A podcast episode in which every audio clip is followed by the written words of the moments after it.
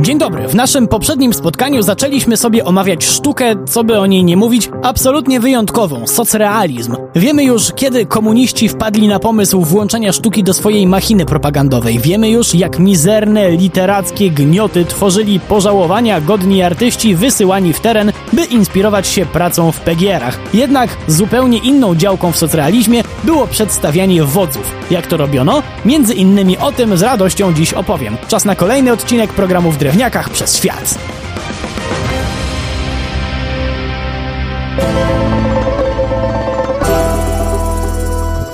Oczywiście kultu jednostki komuniści nie wymyślili. To zjawisko można spotkać już w sztuce starożytnej. Jednak to miłośnicy koloru czerwonego, a zwłaszcza łasi na atencję i nagrody twórcy socjalistyczni, przekroczyli granice podlizywania się w swoich pracach.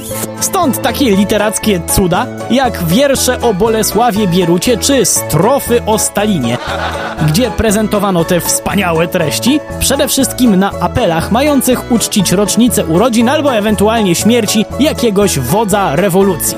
Same te uroczystości też oczywiście miały być sztuką samą w sobie i udowadniać, jak potężne jest dziedzictwo czczonych towarzyszy. Każdy wódz był nie dość, że silny, mądry i odważny, to jeszcze dobry dla ludzi i wyrozumiały. Zwłaszcza te ostatnie cechy trochę dziwią w kontekście choćby łagrów, ale co ja tam wiem. Prawda swoje, a poeci swoje. Choćby Adam Warzyk zaserwował rodakom wiersz Rzeka, który jest chyba moim ulubionym komunistycznym gniotem. Natchniony autor porównał tam bowiem wąsatego wodza do a jakże rzeki, która zalesia stepy i stawia ogrody. Jednak nie tylko poeci mieli wprowadzić na karty nowe postrzeganie świata. Podręczniki historyczne nie dość, że zaczęły przedstawiać rzeczy zupełnie inaczej, o czym sobie jeszcze powiemy, to jeszcze język zaczął się robić jakiś taki dziwny. Już wtedy wiele osób to zauważyło, ale szczególnie zabawnie widać to dziś, jak weźmiemy do ręki akademickie podręczniki do historii z ujmującą komunistyczną nowomową, na siłę wplecioną choćby do średniowiecza. Można na przykład dowiedzieć się, że w państwie Mieszka II zapanował na jakiś czas społeczny ferment. Generalnie wszystko w historii miało kojarzyć się z historią partii komunistycznej, nawet jeśli jakieś wydarzenia poprzedzały jej powstanie o setki lat.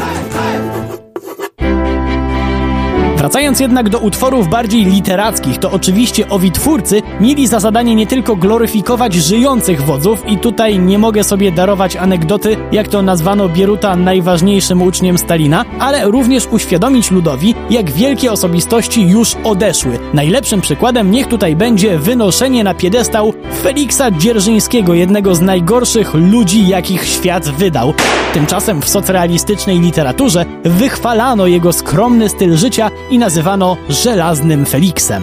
A jak wodzów przedstawiano w innych formach sztuki? W malarstwie i rzeźbie wcale nie było dowolności. Był pewien stały kanon, który też miał jasno ukazywać ludowi główne cechy kultowych wodzów. Lenin na przykład najczęściej przedstawiany był w ruchu. Nie dość, że on to wszystko rozkręcił, to jeszcze energicznie dłonią pokazywał prostym ludziom kierunek rozwoju. Z kolei Stalin przedstawiony był statycznie. Miał być filarem, uosobieniem stabilności. Tych zasad trzeba było przestrzegać. Ewentualnie można sobie było powybierać, co się działo w tle, czy wódz jest aktualnie uwielbiany przez dzieci, robotników czy chłopów. No właśnie, inną kwestią przedstawianą w sztuce socrealizmu był kult pracy. Szczególnie mocno partia cisnęła twórców, by ci w swoich wątpliwych dziełach akcentowali, jak ważne jest współzawodnictwo pracy, które miało mieć same plusy, ale przede wszystkim szybsze dotarcie do komunistycznej utopii przez śrubowanie norm. Wow, aż mi się ta nowomowa udzieliła. W każdym razie literatów, malarzy i rzeźbiarzy zaangażowano w program bicia rekordów pracy. Szczególnie dobrze widać to w rzeźbie. Przykładów moglibyśmy przytoczyć sporo, ale wystarczy zerknąć na te, które po dziś dzień zdobią Pałac Kultury w Warszawie. Robotnicy ze swoimi narzędziami są tam przedstawiani niczym żołnierze z karabinami idący na wojnę. Wszyscy skupieni na wykonaniu zadania, ale literaci nie chcieli pozostać gorsi i tworzyli takie cuda jak Sprawa Anny Kosterskiej, czyli opowieść, w której tkaczka nie chce odejść od swojego stanowiska pracy, mimo że maszyna właśnie zmiażdżyła jej palec.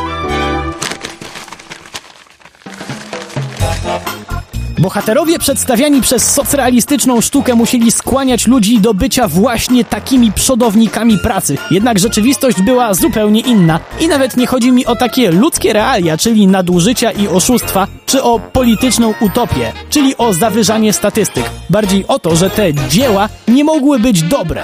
Nie da się upchnąć sztuki w wąski program propagandy, a co za tym idzie, te utwory były strasznie powtarzalne, no bo umówmy się, ile można pisać odkrywczych utworów o budowaniu bloku. Trochę bardziej twórczo mogło się zrobić dopiero podczas tak zwanej odwilży, ale o tym opowiemy sobie następnym razem. Przy mikrofonie był Wojtek Drewniak. Do usłyszenia.